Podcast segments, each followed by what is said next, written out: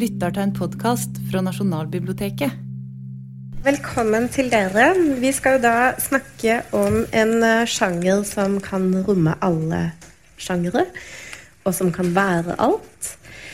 Um, en av de mest dominerende litterære sjangerne, og kanskje den som er mest ekspansiv. Uh, et uh, berømt sitat av Henry James um, sier at romanen er et loose, baggy monster som kan uh, sluke og ta opp i seg alt. Eh, men hvis vi skal begynne å forsøke å sirkle inn noen eh, kjennetegn ved romanen, da. noen særtrekk ved den, og noen muligheter den har, kan du si litt om hva, hva romanen er? Tone? Ja, nå har du jo allerede sagt dette med loose baggy monster. Det er jo et godt sted å begynne. For romanen er jo en, på mange måter en uren sjanger. En sjanger som kan ta opp i seg veldig mange ulike elementer. Og den er jo den yngste av de etablerte sjangerne. I hvert fall hvis vi tenker på den moderne romanen. Og da, når jeg sier den moderne romanen, så mener jeg romanen sånn fra Robinson Crusoe og framover. Og ofte så er det mye lettere å si hva en roman ikke er, enn hva den er. Altså Den er ikke brev, og den er ikke historieskrivning, og den er ikke poesi, og den er ikke drama. Og den er ikke kunst, eh, eller utøvende kunst, men den kan jo ta opp i seg alle disse andre elementene og har ikke noen faste sjangergrenser. Så et av kjennetegnene ved romanen historisk sett, og også i dag som sjanger, er jo nettopp at den kan inkorporere veldig, veldig mye. Eh, jeg liker godt to uh, sånne innganger. Den ene er Balzac, som sier at han ønsker å skrive den historien som historikerne har glemt. Mm. Og det syns jeg er en veldig fin måte å si det på. fordi at da presiserer han at jo, romanen er historieskrivning, men den er det ikke på en sånn ovenfra og ned-måte. Altså, det er liksom ikke den store historien, det er historien så å si fra gateplanet, fra enkeltmennesket. Det er den mer eh, utprøvende historien, hverdagshistorien. Og det andre er gode, gamle Aristoteles, som jo, skiller, jo overhodet ikke snakker om roman, selvfølgelig, men han snakker om diktning og han snakker om historieskrivning. Og han sier at forskjellen er at mens historikerne forteller om det som har hendt, eller det som er hendt, så forteller eh, dikterne oss om det som kunne ha hendt. Og det syns jeg også er en veldig god inngang til, eh, til romanskriving. Da. Og vi har jo her to romanforfattere som skriver helt ulike romaner, og som nettopp demonstrerer at romanen kan være veldig mye. Og det ser vi jo hvis vi ser på den norske litteraturen i dag. i det hele tatt. Mm. Vil dere føye til noe om romanens eh, styrker og muligheter og kjennetegn? Det er jo deres eh, materiale, dette. Ja, det som slår meg helt umiddelbart, eh, er jo nettopp det at det er en slags velsignelse og forbannelse Eh, denne løsheten ved romanen. Uh, og hvor fort gjort det er å tenke at at grensen er så stor at du egentlig kan putte alt oppi. Og så passer det tilsynelatende. Mm. Uh, men på et eller annet tidspunkt så skal du òg på et eller annet tidspunkt skal du òg løfte den kofferten. uh, og på et eller annet tidspunkt skal du òg forholde deg til det som er oppi der. Um, eller, altså, det blir jo ofte redusert at man må snakke noen bilder. Det, det, det blir òg fort til at nettopp fordi alt passer, så får du de der skuffene som alle har, enten på kjøkkenet eller på soverommet, der alt det der raske ligger oppi. som en gang hadde så mye verdi, mm. men som plutselig bare virker mot sin hensikt. eller et eller annet.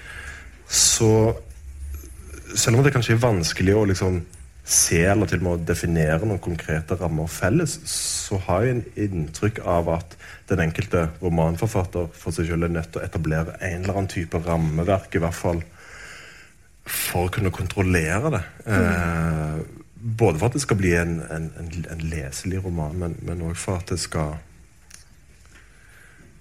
ikke bli en altså mer umulig enn det allerede er å, å skrive en roman. Samtidig som man får motse meg sjøl og er helt avhengig av at man ikke ser de rammene for godt. Mm. Rune? Mm. Ja, ja det, dette er jo bra, det som er sagt. Eh, eh, kanskje jeg er litt djevelens advokat nå, men, eh, men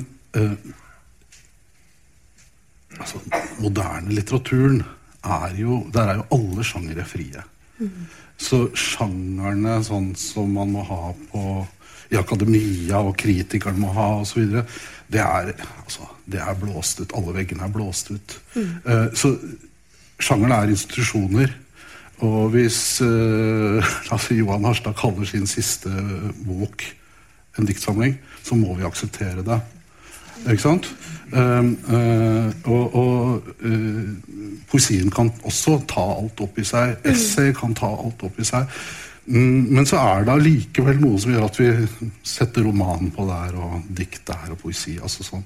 Um, men det er jo så utrolig glidende overganger at det å definere en roman, eller si hva en roman er, så kan man godt gå og se hva som er sånn det generelle. Hva er det vi finner? Er det litt tykkere som regel enn rikssamlinger? Og det er rett høyre marg og alle de der tingene der. Men, men, øh, men, øh, det er jo den friheten som i hvert fall den som skriver, må ha. Mm. Uh, ikke tenke nå, nå, må jeg, nå, må jeg, holde meg til noen konvensjoner noen signaler som gjør at dette for guds skyld blir en roman og ikke en essaysamling. Og vi har jo forfattere i Norge, altså ja. uh, ja, en av, en av de jeg er opptatt av, liker veldig godt, Ole Robert Sunde. Mm. Jeg gir jo F i om, om han stempler det med roman eller essay eller noe sånt, fordi det er hans verk, på et vis. ikke sant? Mm. Uh, og det, det, Da blir man jo også da løs, og det blir liksom problematisk. Men, men friheten er liksom grunnleggende, og det er det som er det store ved modernismen, Synes jeg. da, mm. Som både er litt forhatt, og vi skal liksom komme forbi den, og alt mulig, men ærlig talt mm. Veggene er borte. Uh, la oss se på de enkeltstående verkene. Mm. Men historisk sett så kan du jo si at det har liksom kjennetegnet romanen fra starten av. Altså Når romanen kommer, og da tenker jeg altså på Hvis du tenker liksom romanen før romanen, du har jo ridderromaner og antikkromaner og selvfølgelig Don Quijote og sånn. Hvis vi nå tenker liksom romanen sånn som vi umiddelbart tenker på romanen i dag, da, sånn fra 1700-1800-tallet og framover, så er det jo nettopp det som på en måte kjennetegner den formen sterkere enn de formene som var etablerte, at den har disse åpne grensene. I dag er det selvfølgelig sånn at hvilken som helst sjanger kan tøyes og bøyes og sånn. Men nettopp det uformelige er kanskje et sjangerkonstituerende trekk. da. Mm. Sånn at jeg også setter pris på Ole Robert Sunde, f.eks. Og for meg er han en, en, en, et veldig godt eksempel på en romanforfatter. Din siste roman syns jeg også er et veldig godt eksempel på en noe som kjennetegner romanen. Ikke bare at den er svær og lang, øh, lengre enn de fleste, men også at den tar opp i seg en del av de der trekkene med at du har en hovedperson som går gjennom en form for utvikling, og som så ikke nødvendigvis blir et modent menneske eller forsones, eller, men at det er og Det kan godt være en mangel på utvikling. Det kan være andre, sånn som hos deg, at det er andre kunstarter som også får være med og spille med. Men at det et eller annet vis så har det med noe menneskelig å gjøre som utforskes i løpet av romanen, også der romanen ikke har noe plott, ikke har noe historie, ikke har noe klar utvikling. Mm. Og i din roman så har du jo begge de to, to retningene. Du har både en sånn utviklingshistorie, mm. og du har trekk som, som, så å si stopper hele historien. Ja. Jeg er bare satt i en slags flyktig, flyktig tanke. Eh, som jeg tenker likevel òg bør nevnes, siden vi liksom snakker om utviklingen og hvor romanen er i dag. Da, det er mulig å foregripe det, men jeg tenker at det, det skal òg nevnes at på et eller annet vis i dag, eh, og, og særlig et land som Norge, så er romanen som begrep òg knytta til en eller annen type økonomi. At det òg er en vurdering som f.eks. For forlaget gjør. Det, altså, eller kanskje både forlag og forfatter er interessert hva vi kaller dette roman fordi det vil gjøre det lettere for å få det på innkjøpsordning. Det blir lettere å få det på altså det, det ene, andre, tredje og fjerde. At det kanskje vil selge mer òg.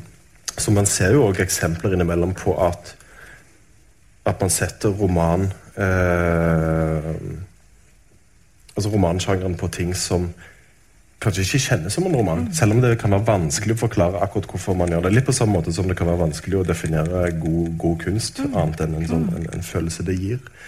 Eh, og, og, og, siden du snakket om, om Ole Robert og altså, roman eller essay, og sånn så tenker jeg at eh, For en del forfattere òg så vil det innimellom være eller altså, For min egen del, det er ikke avgjørende for meg at det er en roman, sånn sett.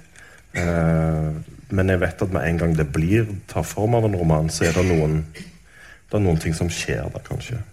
Eh, I- tillegg til den, til den friheten med mer som pragmatiske ting som eh, Men roman er nesten blitt synonymt med forfatterbegrepet eh, i mange sammenhenger. ikke sant? Ja. Altså, hvis du ikke har skrevet en roman, så er du ikke en forfatter. Ja. Og det er jo forferdelig synd, da. Det syns jeg. Altså, det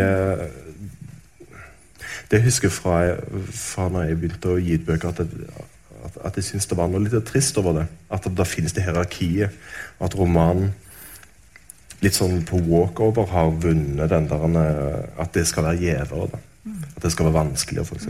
Uh, noen ganger er det jo det, men det er jo ikke nødvendigvis sånn i det hele tatt. Kanskje eh, ligger det en logikk i det at mm, som lesere av litteratur, så er det, det er jo noe fascinerende å kunne også forbli i, et, i en bok. Sant? Fra vi begynner å lese indianerbøker og hva vi nå gjør. Så, så der er også tradisjonen er sånn at romanene er i større volum. Vi, kan- vi kan bli litt der. Og, og, og det er klart at Eh, Det fins romanforfattere da, som har eh, overlevd eh, ikke bare noen tiår, men altså, Jane Austen, Dickens. Grunnen til det er at det er eh, jæskla gode fortellere, og eh, at det fins en originalitet der, og en eh, en henvendelse på et eller annet vis eh, gjennom eh, verket som, eh, som gjør at vi, vi vender til og med tilbake til en del sånne bøker. Vi vil være der en gang til, ikke sant? Um, og, og det gjelder ikke bare Dickens, eksempel, av de store tingene. Det, det gjelder også altså, um, den lille julefortellingen, som er um, evig mm, rekapitulert. ikke sant? Så, så jeg tror romanens kanskje store fortrinn er at den trekker leser inn i et univers på en helt annen måte enn eh, en novelle gjør, eller eh, en, la oss si, en diktsamling eller et dikt. ikke sant? Eh, og Her ligger det ikke noe hierarki her heller. Det er bare en, en slags logisk forklaring på hvorfor romaner eh, har større bredde, eller ja, favner mer og trekker lesere på en annen måte. Jeg tror, det er, ja, jeg tror det er Bakhtin som sier at romanen er for det moderne mennesket det eposet var for eh, antikkens mennesker. Så kanskje er romanen den formen som også svarer best på Eller ikke best, men svarer i hvert fall godt på, kanskje ikke minst i, i kraft av sitt omfang, da, på en sånn en, sånt, eh, en rotløshet eller et splittelse eller, eh, eller en, en sånn søken et, en, en, en manglende forankring, da. Eh, ja. Ja, men så er det jo ikke bare det at man blir trukket inn i et univers, man blir også trukket veldig nær personer. Du nevnte enkeltmenneske i sted. Og det er noe med at eh, romansjangeren klarer å kan fremstille, fremstille en persons tanker og motiver og handlinger så utrolig nært. da. Eh, og at det er kanskje også no- noe av tiltrekningen. Og er det, ja, det at kanskje pga. den tettheten til personene, så er det kanskje en sjanger som fostrer empati særlig godt? Vil dere si det? De, ja, både ja og nei. Altså, jeg vil jo nødig liksom ta fra de andre sjangrene eh, evnen til empati. Men, men jeg tenkte litt mer på det som akkurat ble sagt, at, altså, og som jeg har vært veldig opptatt av. òg. altså litteraturen eller kunsten som sådan, som, som sted. Og da, det er jo egentlig akkurat det du, du sier, kanskje, at, at romanen muligens har sin, sin forse der. Eh, og igjen uten til forkleinelse for de andre, men at, at kanskje vi er opplært til å tenke på novellen eller essayet eller, eller poesien mer som, eh, som stoppesteder underveis, da, eller, eller som steder man kan oppholde seg mens romanen kan du bo i. Og igjen helt uavhengig av sidetall. Altså det, det, går an å, går an å bo i Jon Fosses 'Morgen og kveld', som er vel rett over 100 sider. kanskje noe sånt. Så det har ikke med det å gjøre, men, men at det har mer med den kontrakten da, mellom leser og, og forfatter. Eller mellom forfatter og bare ideen om romanen. da. Um, igjen helt uavhengig av hva som står der. Og at, og at den samme evnen fins òg i, i, i romaner som ikke har det uh, si, det klassiske overbygget i det hele tatt, men som er mye mer eksperimentelle. Enten det er en ny roman eller, eller sånn. da. Um, at det òg er en type frihet som har verdi tenker jeg at den gir Veldig veldig forenklet sagt, den gir den pausen. Altså, eller, en, eller en lengre pause. eh, enn Vi tenker jo ofte at, Jeg tror dessverre ikke at vi blir noe bedre mennesker av å lese romaner. For romaner, eh, romanens personer er jo ofte utilstrekkelige, og heldigvis, hadde jeg nær sagt. Men, men vi tenker jo ofte på, når du sa liksom eksperimentelle romaner eller nyromaner eller hva det måtte være. Vi tenker jo ofte på at uh, liksom den realistiske romanen fra 1800-tallet den er litt sånn konvensjonell og tradisjonell, og vi har jo norske forfattere som uttaler seg sånn nå. Uh, og det er jo et veldig forenkla syn, ikke bare på hva 1800-tallsromanen er, uh, hvor liksom romanen kommer til seg sjøl, hvor det finnes så utrolig mye ulikt, men også en forenkling av den realismen som oppstår da, og som selvfølgelig ville vært en helt annen i dag. Og leser man Dickens eh, Bleak House f.eks., eller hva det måtte være, så er det jo helt utrolig avansert, både fortellerteknisk og, og uh, du nevnte sted, altså hvordan han liksom bebor de ulike sted, altså rent konkret de ulike settingene i romanen, og veksler stemmer og kombinerer et så enormt uh, persongalleri og sosiale sjikt innenfor ett litterært rom, som er ganske fantastisk. Ja, hør, hør. Ja. Altså, fordi mm, Man bruker gjerne den konvensjonelle romanen, sier man, og så slenger man det tilbake i tid. Og, og, og eh, Det er ikke bare en forenkling, men det er virkelig en eh, feil. Altså, eh, Ikke minst den britiske 1800-tallsromanen er jo det er så mange nyskapende verk. Det er så mange skal vi kalle det mm, vår terminologi radikale verk. Så Hadde en romanforfatter gjort noe av det samme i dag, og da mener jeg ikke som pastisj, men altså operert med de samme synsvinkelbruddene osv., så, videre, så hadde vi sagt wow, for et vidløftig eh, eksperiment. ikke sant? Dette er fantastisk. altså og det, og til og med altså, til og med senere, Men også Dickens også, finner man det. Men det fins jo også Thomas Hardy, eh, en som er ganske ukjent i Norge, Wilkie Collins.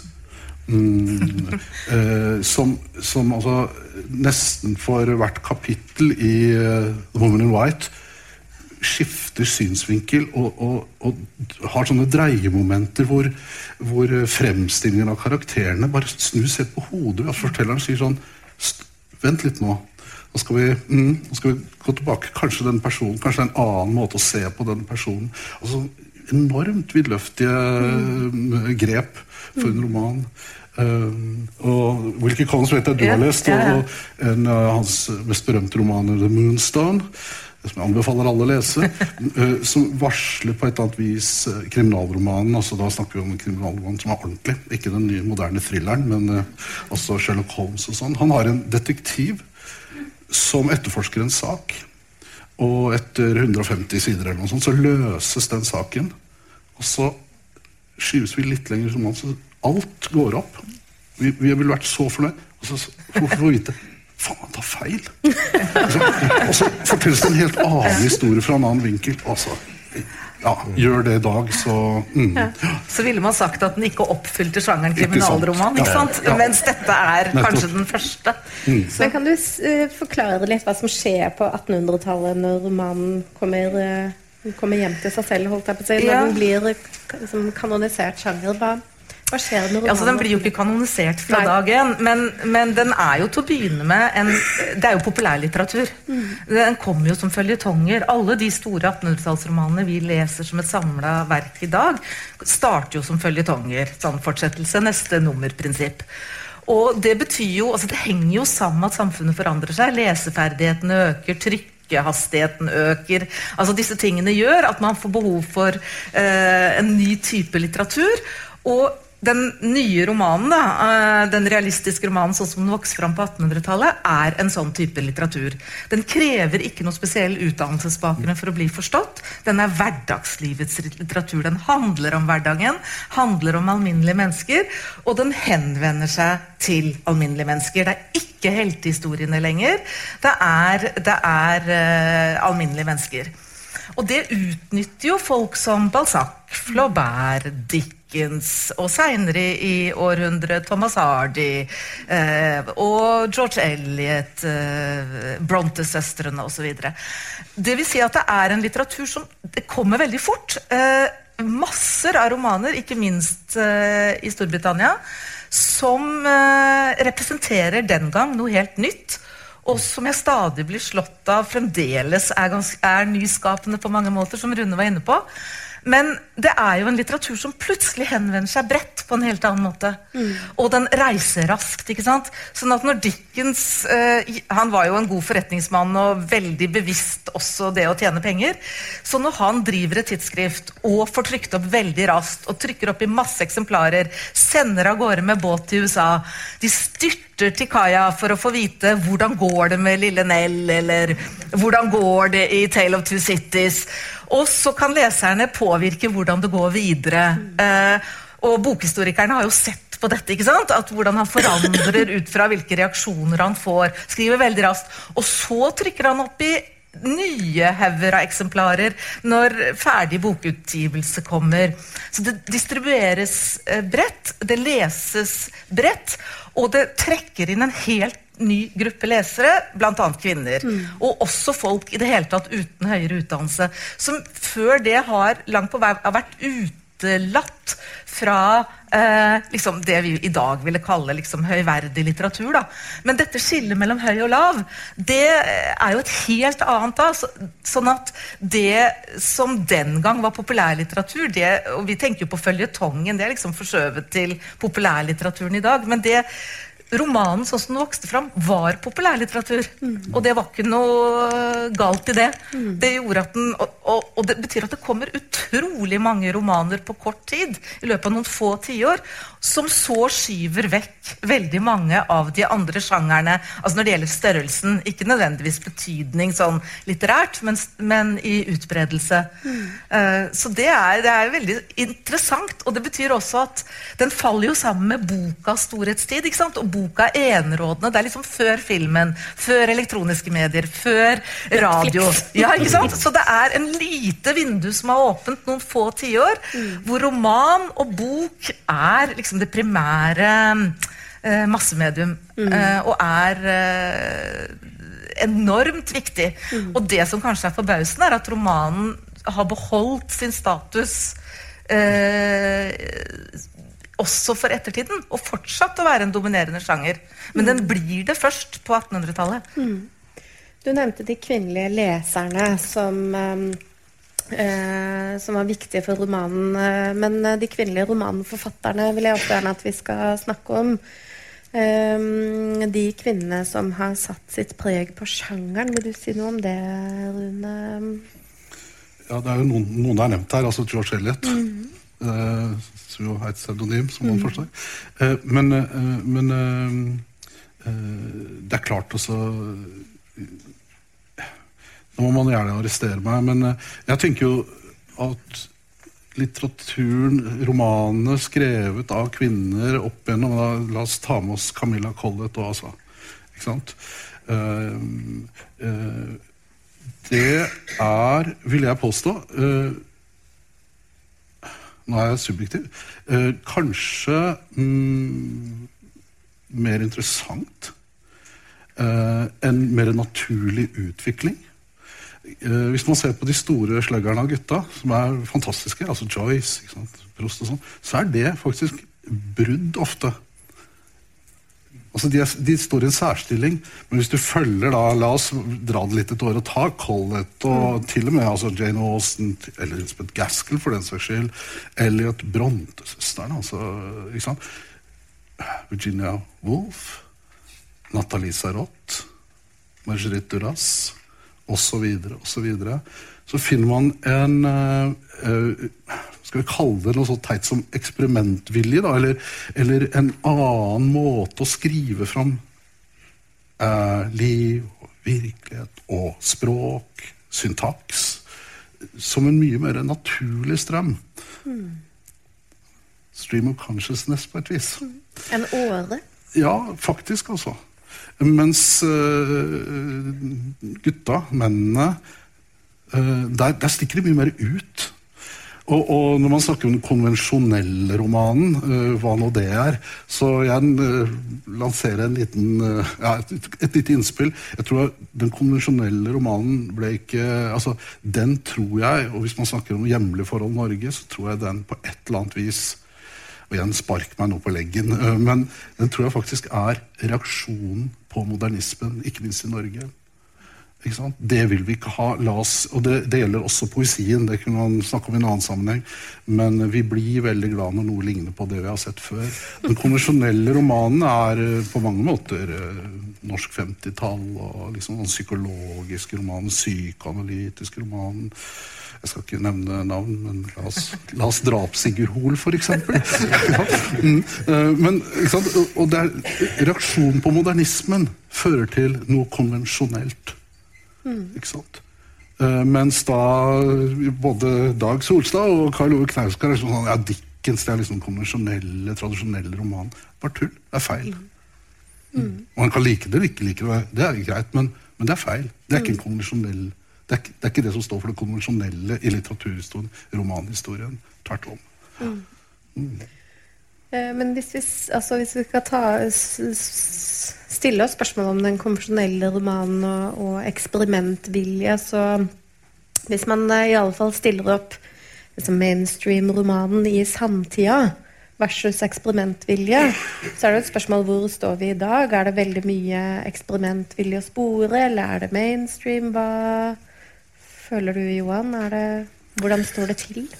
Nei, jeg er usikker, for å være helt ærlig. Um, så, så, det spørsmålet er på en måte stille litt åpent ut. Jeg tror andre kan svare bedre på det, men, men det er interessant. Altså Spørsmålet i seg selv er interessant, i hvert fall. Og fordi altså Det ene som, som jeg syns er veldig spennende, er å se nettopp på det. Altså, og ta livet av noen av de mytene at at denne perioden er veldig sånn konvensjonell. Sånn at man ser at, at disse si, bølgene eller krusningene i, i, kunsten ligger der hele tiden. Man har uh, som en slags konstant. Så, så, det er jo helt klart til stede nå òg. At man har stemmer som, som, prøver å jobbe mot. Men hvis, altså, mitt blikk på litteraturen, den norske litteraturen nå er jo at den nødvendigvis i kjølvannet av Knausgård er veldig veldig preget av av det selvbiografiske. Eh, selv om det selvfølgelig ikke var Knausgård på noen som helst måte som, som starta dette her. Men igjen, som det ofte er, det som blir veldig veldig tydelig, blir jo enormt dominerende. Eh, men det er en, en, annen ting som jeg lurer på, da, som hadde vært interessant å sett knytta til disse bølgene eller krusningene gjennom litteraturhistorien, er, er, det, er det noen tilfeldigheter er det noen, eh, er det noe system? Altså, når oppstår det? Oppstår det f.eks. som en konsekvens av at samfunnet er i medgang eller motgang? Eh, sånn sett så kunne man tenkt nå at, at det, det er i hvert fall nokså plausibelt at romanen, den norske romanen f.eks., eller den, den, vestlige romanen, går i retning av noe konvensjonelt. Og i retning av noe mer klassisk episk da, eller et eller annet fortellende. Man ser liksom at navn som Jonathan Franzen blir veldig veldig stort, og så kan man like det eller ikke, men det er, det er ikke så mye hokus pokus i det. da, så Den er ganske sånn Polert? Ja, det skal jeg være forsiktig med å si. Men mm. um, og så har man denne, den selvbiografiske bølgen. Men, men, men poenget er at uh, igjen knyttet til økonomien. da, at, og Man ser liksom hvordan bokbransjen blir pressa. At det kanskje dermed presser mot de titlene som er litt sånn sikre, på akkurat samme måten som man har sett i film og musikk. Uh, så det ene spørsmålet litt åpent er har økonomien, altså samfunnsøkonomien alltid hatt noe å si for hvordan kunsten utvikler seg, eller er det bare en paranoia jeg har nå? for at den blir mer og mer og, og, og til slutt det her at i hvert fall knyttet til det selvbiografiske, så tenker jeg at det kommer til å, å få en, en, veldig kraftig motreaksjon. Tenker jeg da. Som, som, du kjenner, som ligger rett rundt hjørnet. Er Johan paranoid? Nei, jeg syns ikke du er paranoid i det hele tatt. Og du ser jo alltid at det henger sammen med samfunnet. Altså, den, den, Noe av den sterkeste vannskillet litteraturhistorisk må jo være første verdenskrig. I kjølvannet av første verdenskrig så kommer de klassisk modernistiske forfatterne, og det er ikke tilfeldig at de søker et helt annet svar på en virkelighet som, som ikke er den virkeligheten de har kjent før krigen. Så det, det, det, det er liksom ett svar. Et, en annet svar på det som foregår i dag, er jo at du en ting er hva som får oppmerksomhet, et annet ting er hva som eh, også er der, som ikke får så mye oppmerksomhet. Altså, du har jo hele tiden romaner som gjør noe annet enn det som får veldig mye medieoppmerksomhet. Og du har jo ikke minst i Norge, det er jo mye jeg ikke har lest, men det er jo veldig mange, apropos kvinnelige forfattere, veldig gode kvinnelige samtidsforfattere som gjør noe helt annet. Jeg tenker på øh, jeg tenker raskt der, øh, Inge Bråtveit, mm. Mona Høvring, eh, Gine Cornelia Pedersen, mm. altså, som er blant de helt unge. Finnes mange andre også som, som gjør eh, som gjør helt andre ting enn det, som, uh, enn det som er det som har fått mest oppmerksomhet når man liksom avleser trender uh, og tendenser uh, i litteraturen. det gjelder både kvinnelige og mannlige forfattere, selvfølgelig.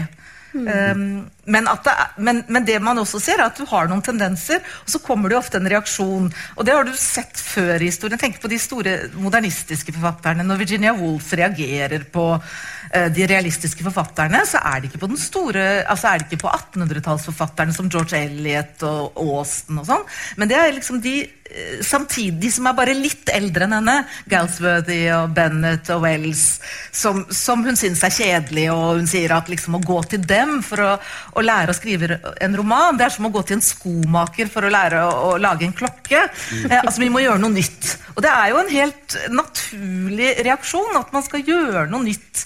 Det er jo det samme med Hamsun når han skriver 'Sult'. Så, så, nekter han for jo at det er en roman. Roman det forbinder han med, med landturer og ball hos grossereren. Så det har han ikke skrevet. Han har skrevet noe som har med det indre å gjøre, og sjelelige svingninger osv. Men Én ting er hva som får oppmerksomhet til enhver tid. En annen ting er eh, alle de strømningene som eksisterer side om side. Og så kommer jo ofte reaksjonene sånn, litt sånn forsinka. Ja. Men uh, når vi snakker om de uh, bølgene og uh, svingningene og bruddene, da, så er det jo altså at romantradisjonen består av å bryte med tradisjonen ofte. Ehm, et av de bruddene er altså nyromanen, franske nyromanen. Kan du si litt om den tradisjonen, Rune? Hva den innebærer og ja, altså, betyr? Kort og greit. Det er jo Butor, Michel Butor og Rob Grier og Sarot og sånt. Det er, jo, det er jo en vilje til å uh, ikke å begrense romanen, men rett og slett åpne den opp. Og, og Rob Griers uh, skal ikke kalle det manifest, men han skrev noen essays om, på vei mot den nye romanen. Og det er egentlig enormt sjenerøse essays. Det er virkelig ikke noen sånne eh, postulater om uh, med et trangt litteratursyn. Han, han, gjør det fordi romanen vi, vi, trenger å undersøke andre ting, se på andre ting. Og da er det sånne litt skrudde ting som selvfølgelig er eksperimenter. Som f.eks. går det an å skrive en roman uten, uten personer? Mm. Går det an? Ok, la oss se om det er mulig. Og så prøver man på det. Og Michel Butor skrev en uh, en underlig roman som også ble liksom, fremført deler av den på radio. Den heter et eller annet sånn 6,8 eh, millioner liter vann i sekundet. Og, og eh, der er det bare masse stemmer på et vis. Er satt opp veldig sånn grafisk ja, Replikkene renner liksom nedover sidene. Og, og, prosjektet da var sånn hvis man står så så mange mennesker står og, som man gjør, ser på Niagarafossen. Hvilke, hva er det man hører gjennom uh, bråket? Og så utvikler det seg som, uh, som, en idé som man forfølger gjennom det, det man må kalle en roman. Uh, og han skriver en av, en av de få vellykkede annenpersonromanene, altså du-romanen. Og den fins jo på norsk, altså Modifikasjonen. og Sarot debuterer i 30-en eh, med 'Tropismer', som også er en sånn roman hvor man egentlig ikke vet helt hvem som snakker. Det er på en måte teksten og ideene og tankene som taler i teksten. Uh, og den er på 67 sider. Og trykkes den i et normalt norsk romanformat, altså som en norsk roman, så tror jeg den er på 50 sider. En roman. Så den franske nyromanen var var, gikk i alle retninger. Det var ikke en sånn klubb hvor, som bestemte seg for nå skal vi skrive sånn. Det var ikke liksom dogmefilmskaperne som plutselig finner på noe. Uh, og, og, og man kan også spørre seg om Duras var eh, der osv. Og, og alle ville litt ut av det, og alle var forskjellige. Så, mm. men, men det er eh, igjen Plutselig så, så vinner man ny frihet da, for romanen. Det, er på, det er på sin plass. Og, og det er da etter første verdenskrig og mm, øh, man, man, vil andre steder. Man vil, altså, man vil bort fra slagmarken på et vis òg. Mm. Bort fra samtiden. Ja, ja, men, men, de er jo opptatt av Flaubert, nyromanforfatterne. Så, så de, er jo, de, er jo, de, avviser en del av samtidslitteraturen.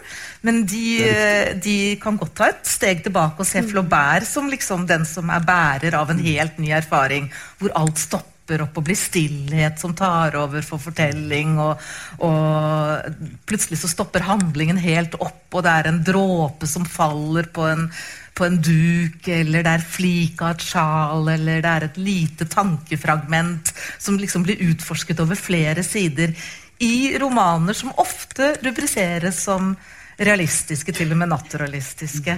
Og jeg tenkte på din siste roman igjen, Johan. fordi jeg syns du har noe av den dobbeltheten der. At du har både disse her lange passasjene som som eh, ikke bare eh, si, intervenerer med andre kunstarter, men som også ikke egentlig forteller en historie, mm. eller, eh, men er mer en sånn stemning. Og i din siste roman så er det jo veldig sterke sånne bilder, rett og slett. Er veldig sterkt visuelt. Og samtidig så har dere jo begge to romaner hvor dere helt klart også følger eh, Hvor det er en historie. Mm. Så disse tingene kan eksistere side om side også innenfor en og samme roman. Dette, dette er jo premien jeg fikk for at jeg strøk på litteraturvitenskap grunnfag. Første gang at jeg, at jeg fikk muligheten til å skrive to oppgaver om, om Madame Bovary. Så, liksom jeg fikk satt det på plass. Det, det som jeg syns er ganske um, spennende òg, knytta til disse disse periodene der man har de bruddene, og kanskje særlig den altså, nyromanen og 50-60-tallet, eller òg Wolf eller Beckett eller, eller, eller Joyce. sånn at eh, Det kan synes litt forenkla som man har på disse to retningene. Ikke sant? Man har den mer eksperimentelle litteraturen, som har den mer for enkelhets skyld konvensjonelle litteraturen. Men at det også kan være interessant å se hvordan den konvensjonelle eller mer eh, hardcore, massevennlige litteraturen og tar farge av den andre. Da. Mm. Og hvordan vi, selv om den ikke nødvendigvis blir lest av så mange, hvordan den, den fargen som påvirker oss og beriker romanen som når til, til langt flere hele tiden. Eh, enten det er liksom den stream of consciousness-greia, eller det er denne eh, eksperimenteringsviljen som det går an å implementere i en annen type og mye, mye vanligere roman eh, på et mildere nivå, men, men, den har islett av det i seg. Mm. Og det tenker jeg altså sånn For å snakke om min, mine egne ting et lite øyeblikk, så håper jeg jo at det, det skyldes det. Altså, jeg tenker ikke at mine romaner er sånn spesielt eksperimentelle. sånn sett. Jeg håper jo ikke heller at de er dørgende vanlige, men at det går an å på en måte ta noen ting derfra. Da, og, øh, fordi det som disse nybrottsarbeidene innen litteraturen har, er jo en enorm vilje til, til nettopp å se mm. hva går det an å gjøre med dette her. Da, til å bryte det opp. Um, så verdien av de, mm. selv om det noen ganger når man går tilbake og leser det, så kan det være litt sånn fordi at uh, noen av disse bøkene er jo eksperimentelle inntil det litt slitsomme. Men at det likevel har en, har en, en enorm verdi. Ja. Men jeg vil bare følge opp også noe det Tone sa om det Eh, visuelle. For at da du ga ut din siste bok, 'Max Misha-Tett-offensiven', så ble jo den også ledsaga av en spesialutgave. En, eh, en, eh, liten sånn eh, boks, da. Mm. Hvor du faktisk realiserte det du skrev om i romanen. Eh, for i romanen så skriver du om en kunstner, og du presenterte i spesialutgivelsen en da 200 siders kunstkatalog med plakater for utstillingene. Og, eh, og det hele var designa av deg. Mm. Eh, så det ligger jo en sånn tverrestetisk eh, måte å jobbe på hos deg også. Kan du si litt om det? Ja um,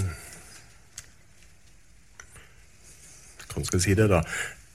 Det, er, altså det ærlige svaret, som er kanskje det mest interessante Grunnen til at alle disse bildene ble laget, var, var fordi det i perioder var mye enklere å lage det enn å, enn å skrive den boka.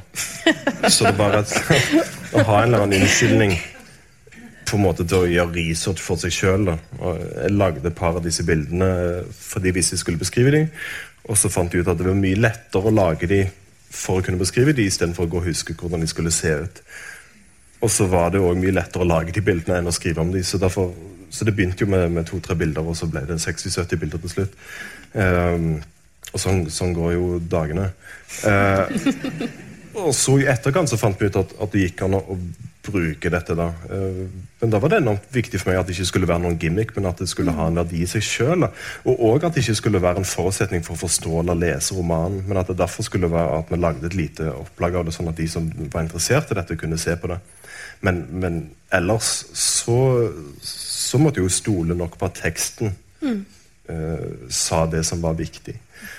Men, uh, men det det gjorde, da, i tillegg til å selvfølgelig kaste bort mye tid for meg, var at det åpner en annen måte å tenke om disse tingene på. Mm. En, en, måte å, å, konsentrere seg visuelt om litteratur, hvis det gir noen som helst mening. Som sammenhenger med litt som vi snakket om bakrommet, eh, at jeg siden jeg lager mine egne bokomslag, veldig ofte begynner å gjøre det etter liksom bare fire-fem sider som kan se litt uh, teit ut, men, men Gyldendal er jo vant til det. Eh, at liksom, omslaget er klart når jeg må bare skrive boka som passer. Fordi det er Det gir eh, en mulighet til å kunne altså, Kanskje akkurat tilbake til det vi starta med å snakke om. Det er de rammene jeg har. da. Mm. Det omslaget er et forsøk på å skape et eller annet univers som jeg kan, kan jobbe innenfor. Som er noen usagte rammer, men de er likevel visuelle. på et eller annet, eller ja, dette gir mening når jeg sitter alene for meg sjøl, men det er vanskelig å formidle det. Synes jeg. Det gir mening for oss også. Takk. Um, men uh, det er jo mange forfattere som også trekker inn det visuelle, og trekker inn fotografier. Og en forfatter som Sebald f.eks. Mm. plasserer jo fotografier plutselig inn i teksten sin. og å jobbe på den måten, uh, har du noe historisk blikk nei, på det? Nei, ikke akkurat på det. Det har sikkert vært gjort tidligere også, det har det helt klart. Men nei, jeg bare satt og tenkte på når, jeg, når det gjelder sånn billedbeskrivelser og visuelle beskrivelser, så er det et, uh, en liten scene i To the Lighthouse som jeg er veldig glad i på slutten der, eller som jeg syns er veldig sterk, og det er der er det en malerinne som strever med et bilde. Og hun prøver å fange da disse menneskene som har omgitt henne, i eh, et abstrakt billedspråk. Eh, uten å gi slipp på det som er det hverdagslige. Og hvordan gjør du det når du skal male mor og barn, uh, som er liksom det mest forslitte tema i hele kunsthistorien, og så skal du få det ned eh, i et abstrakt billedspråk. Og så står det noe sånt som at eh, Merete Alsen oversetter jo uh, Wolf veldig fint til norsk. Uh, det står noe sånt som at Lilly tenker Det hun ville, tenkte hun, det var å, å, å fange den, den, alminnelige erfaring og kunne si det er et bord, det er en stol, og samtidig det er et mirakel, det er en ekstase.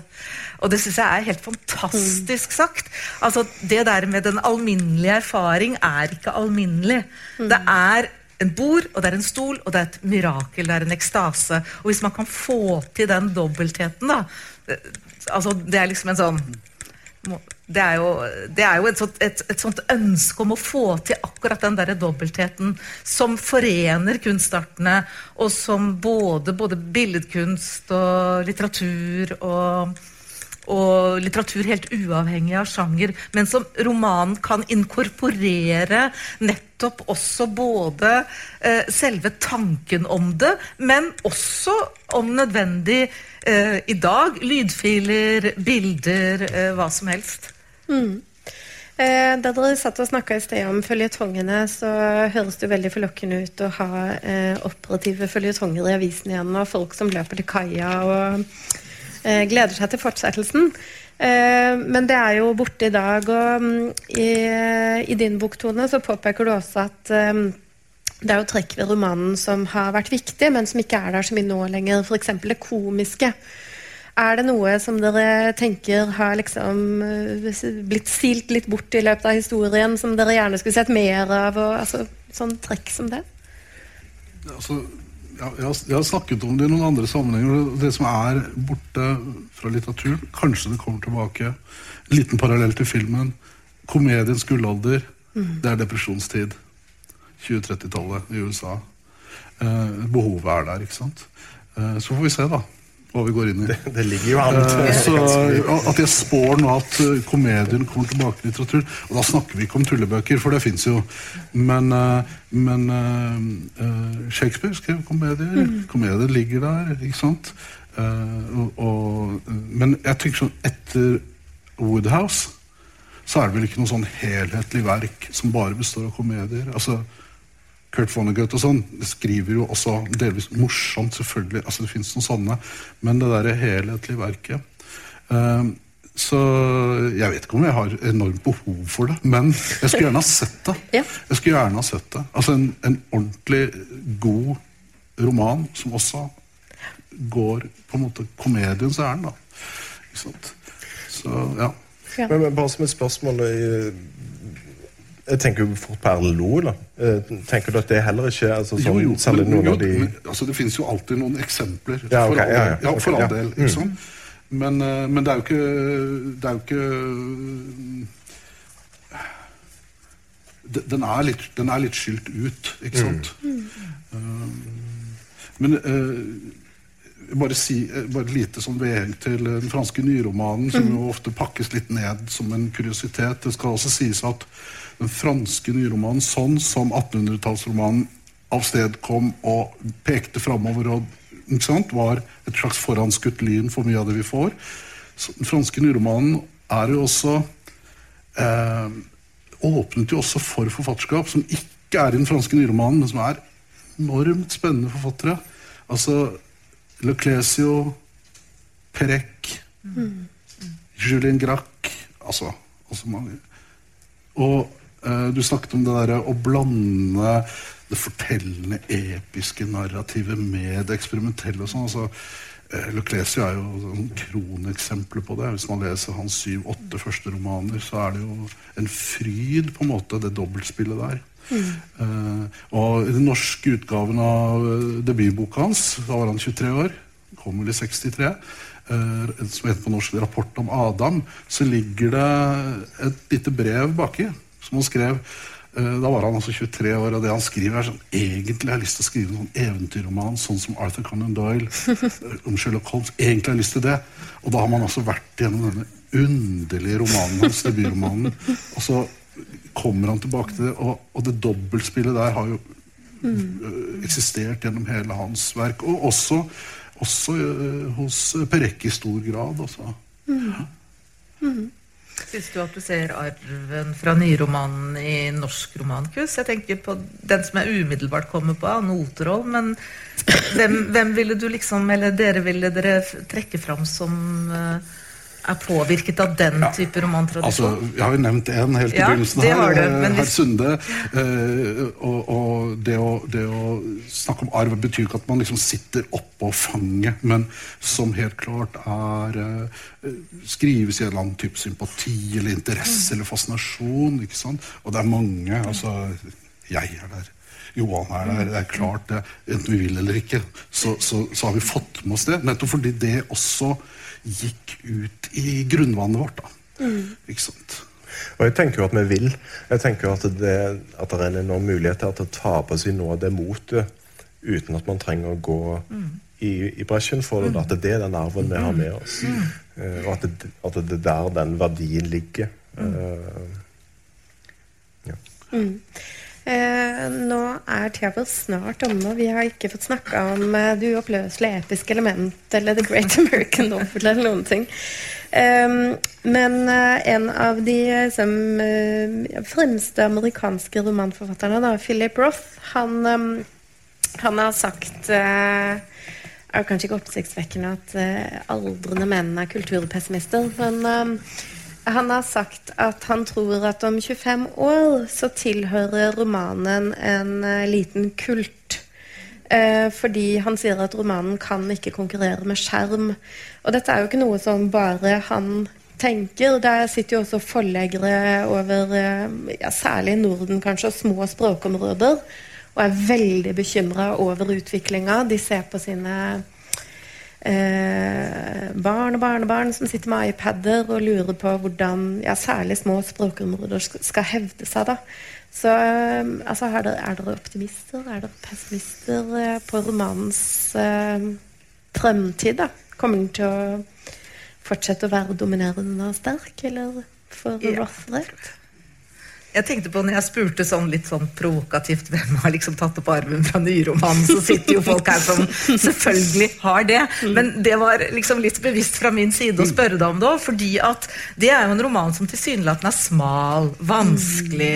Dere er populære romanforfattere som, som liksom folk leser, sånn at ting siver inn og blir eh, tatt opp i andres romanunivers uten at det er identisk. Jeg, jeg, ble, jeg har ofte blitt spurt om liksom, er, hva er, eh, er ikke TV-serien den nye romanen? Mm. I tilfelle så må man vel si at det er den gamle romanen. Mm. Men, men, eh, men ja, TV-serien har en, sam, en, sånn sammenbindende funksjon at mange snakker om de samme seriene når, det, når de går, akkurat som uh, man kanskje tidligere i større grad gjorde med romanen. Men det er jo ingenting som tilsier at ikke romanene fortsetter å komme, selv om vi får film og TV-serier og skjermer og Så jeg er ikke umiddelbart pessimistisk, men at tingene forandrer seg, det er jo Sånn er det jo. Men hvis jeg kan skyte på, jeg synes du er inne på noe veldig, veldig viktig der når det gjelder TV-serien og romanen. Og særlig når du sier at den, at den kanskje er den mer altså, sammenhengen knytta til, til, nedslagsfeltet. Da, at det er noe man kan, som, som når bredt ut og sånt. Men ellers så er jo det en, en setning som jeg ofte blir veldig matt av når jeg, når jeg hører mm, det. Enten at liksom eh, at man Altså Enten det konkrete at romanen er det, eller TV-serien er den nye romanen, eller å bli konfrontert med at uh, du skriver som en TV-serie eller som en film. eller noe, fordi hva, hva, betyr det, da? Mm. Annet enn egentlig en nedsettende ting om at du, du, skriver på en måte som hele tiden skal lokke folk til å liksom følge med videre. Så, og liksom, jeg tenker Hvis det er en roman som, som er en TV-serie, så må det være han uh, han som skriver de der uh, engler og demoner uh, Ja, Dan Brown? Da, ja, ja, Som har de der uh, greiene der. Ja. men ellers knyttet til, til, til Roth og sånn, så tenker jeg at det er helt umulig å si. Altså for, mm. for 15-20 år siden så var det ingen som, som ville gjette at vi holdt på og forholdt oss til sånne brikker av informasjon som, som, vi gjør nå. Så enten så kan jeg risikere at romanen blir den nye LP-en, og at de som kjøper romanen, er, sånne, er veldig mye menn plutselig, da, kanskje sånn i midten av livet, som henger på sånne butikker. Sånn. Og så kjøper de sånne kjempegode stoler på sånne hifi-klubb-greier som de skal lese i, som ikke knirker. Eller, sånn. eller så kan det jo gå den andre veien at det blir en enorm motreaksjon, som man kan se tegn på i, i, i mediebildet òg. At folk begynner å bli trøtte av hele den feeden av ting mm. som kommer hele tiden. At det ikke er noe substans, og at det bare blir det er dette som har gitt grobunn for alle disse falske nyhetene. Ikke? Folk tar seg ikke tid til å lese annet enn bare overskriften. og gressen. Så kanskje vil det òg bli en motreaksjon. Men, uh, men, uansett, enten om det blir det eller, eller sånn, så, så, vil man jo fortsette å lage disse tingene. Folk, altså det fins en stor kassettkultur fortsatt. Altså band som gir ut musikk bare på kassett. Så liksom Dette kommer ikke til, til å dø ut, men, men, det kan godt være at det endrer seg. Mm.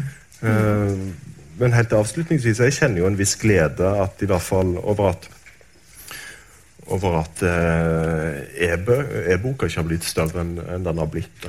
Uh, all tid den, den ser helt gyselig ut. Um, og at det sånn sett fortsatt er At, boka har bevart en eller annen sånn verdi som objekt. Mm. Knyttet til vil du legge til noe til slutt? Nei, jeg syns det meste er sagt, jeg. Ja. da uh, Philip Roth få si hva han vil, men vi har troa. Uh, og med det så takker vi for oss.